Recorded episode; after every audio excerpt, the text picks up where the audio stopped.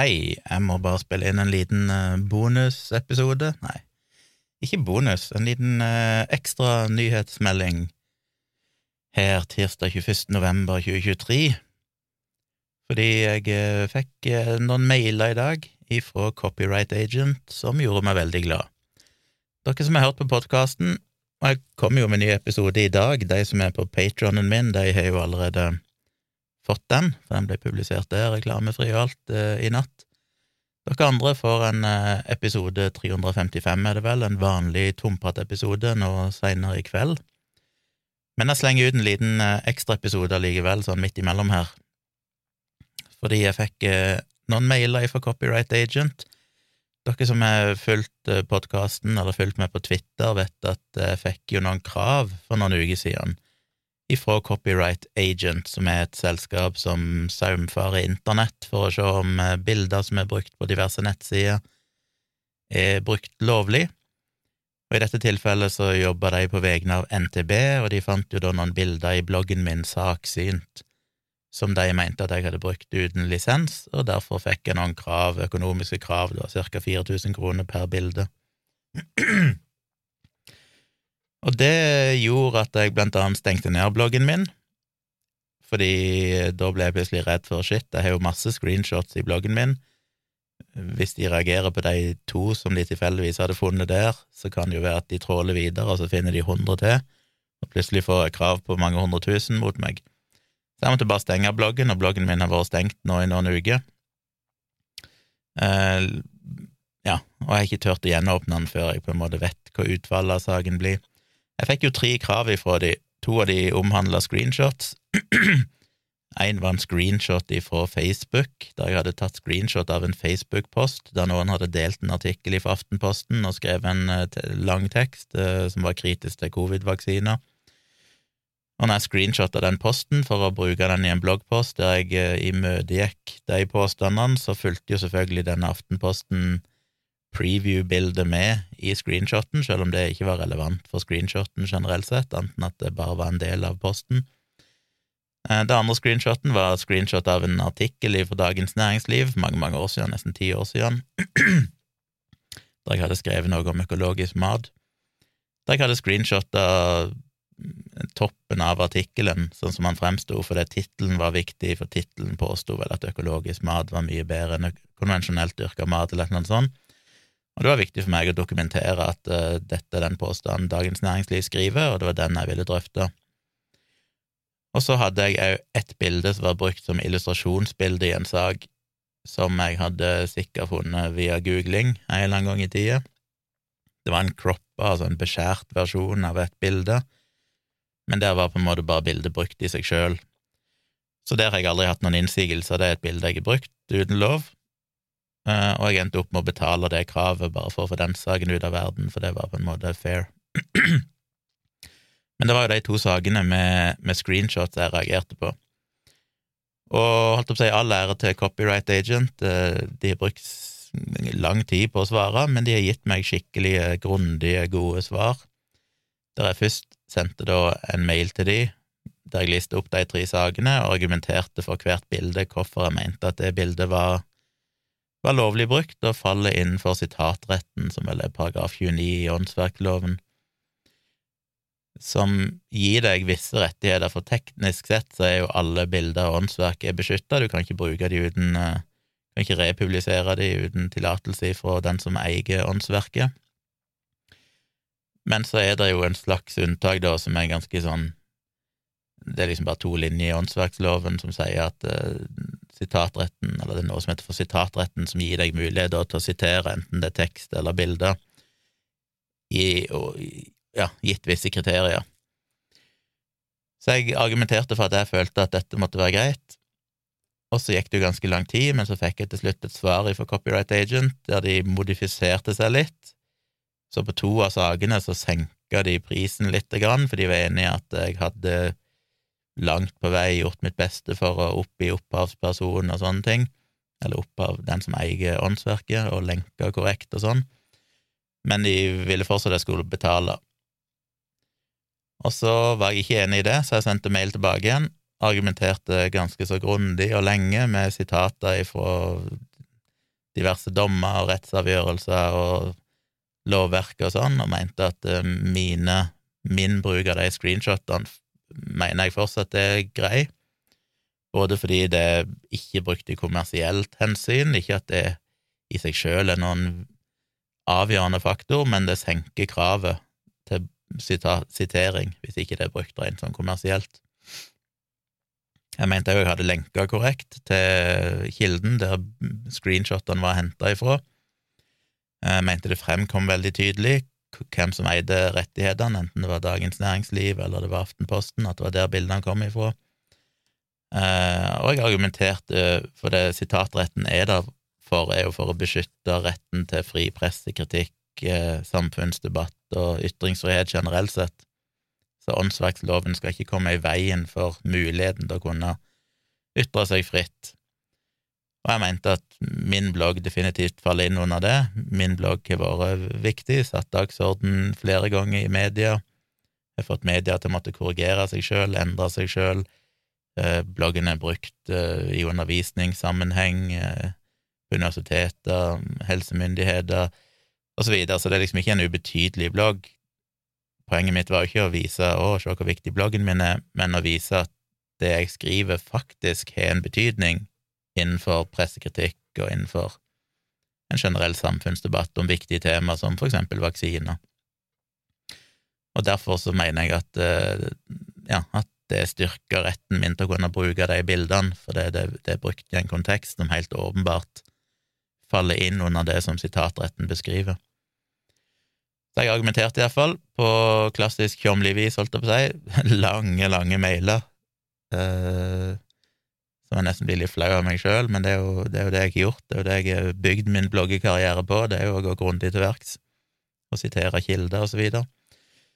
Og så gikk det jo lang tid, og jeg har vært nervøs, fordi jeg tenkte at copyright agent har vel lite å tape på å bare si fuck you, vi opprettholder kravet.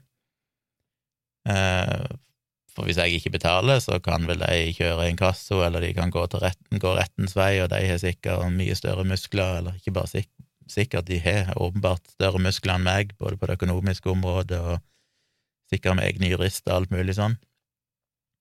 Så jeg var veldig usikker. Men i dag fikk jeg altså mailer der de skrev at de hadde frafalt de kravene, for de var enig i argumentasjonen min, de følte jeg hadde gitt tilstrekkelig dokumentasjon på at måten jeg hadde brukt disse screenshotene var, var ok.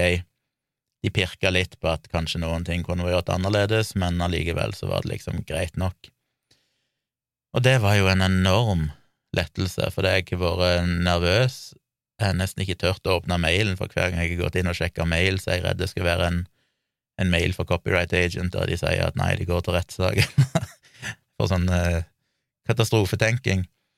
Jeg må jo òg nevne at eh, etter jeg snakka om dette i podkasten, så fikk jeg en mail fra en uh, jurist, en advokat, som sa at hvis denne saken, eller hvis jeg valgte å gå videre rettslig med den saken, så ville de gjerne stille opp og ta saken, eller han ville stille opp og ta saken pro bono for meg, gitt noen forutsetninger da om at uh, selskapene var partnere i og sånn, var enig i at dette var en sak som var verdt å gå videre med og alt mulig sånn, at det ikke var noen interessekonflikter og sånn, men i prinsippet så var det noe han ville ta pro bono, for. Han mente jo at det var en viktig prinsipiell sak.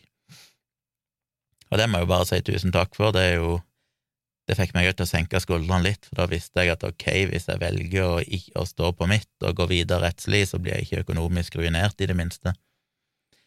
Eh, men det slapp jeg jo heldigvis da. Um, og ellers har jeg fått et par støttemailer som jeg òg setter pris på. Det er hyggelig å vite at folk har fulgt litt med på saken og, og bryr seg. Og det er jo en rar sak, for det, som jeg har sagt tidligere, jeg mener det blir jo delt millioner på millioner av den type screenshots hele tida.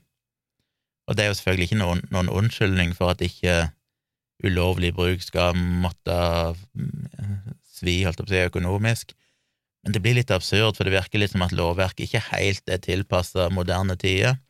Jeg mener, går du inn på Twitter eller Facebook, så er jo annenhver post det er jo noen som er screenshotta en eller annen artikkel eller et eller annet og sier 'Å, se hva VG skriver her', eller 'Å, se hva de Aftenposten har skrevet', som gjerne inkluderer et bilde.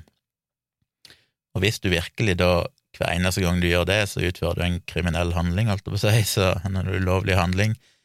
Så blir det litt absurd, for det vil jo svekke den muligheten folk har til å drøfte ting og debattere ting betydelig. Argumentet fra en del av de dommene som er falt i disse sakene, er jo at du trenger ikke å screenshotte, for du bør heller lenke til en artikkel. Hvis jeg skriver om en sak i Dagens Næringsliv, så bør jeg lenke til den saken. Men det jeg har argumentert med, er jo det at det er ikke godt nok i dag, fordi titler endrer seg, urler endrer seg, altså lenker endrer seg. Som jeg har sagt tidligere, jeg har jo noen gamle bloggposter jeg får tilbake i 2005-2006 og sånn, der jeg blant annet satt og diskuterte en del lokale ting i Sirdal, og da skrev jeg mye om ting som var på trykk i avisen Agder på nett. Men avisen Agder har jo bytta publiseringsplattform iallfall to ganger siden den gang, og de gamle URL-ene virker ikke lenger, de, de, peker ingen plass. Ergo når jeg lenker til en, et debattinnlegg eller et eller annet sånt som jeg drøfter i bloggen min, så får ikke folk sett konteksten.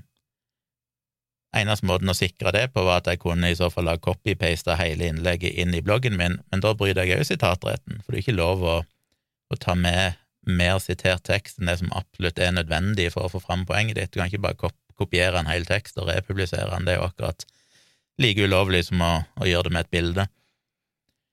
Så det blir vanskelig for folk å, å finne igjen det opprinnelige. Det vil jo være et problem uansett, for jeg kan ikke gjengi hele teksten, så sånn sett blir jo alle sånne gamle bloggposter der ikke linkene lenger fungerer, svekka.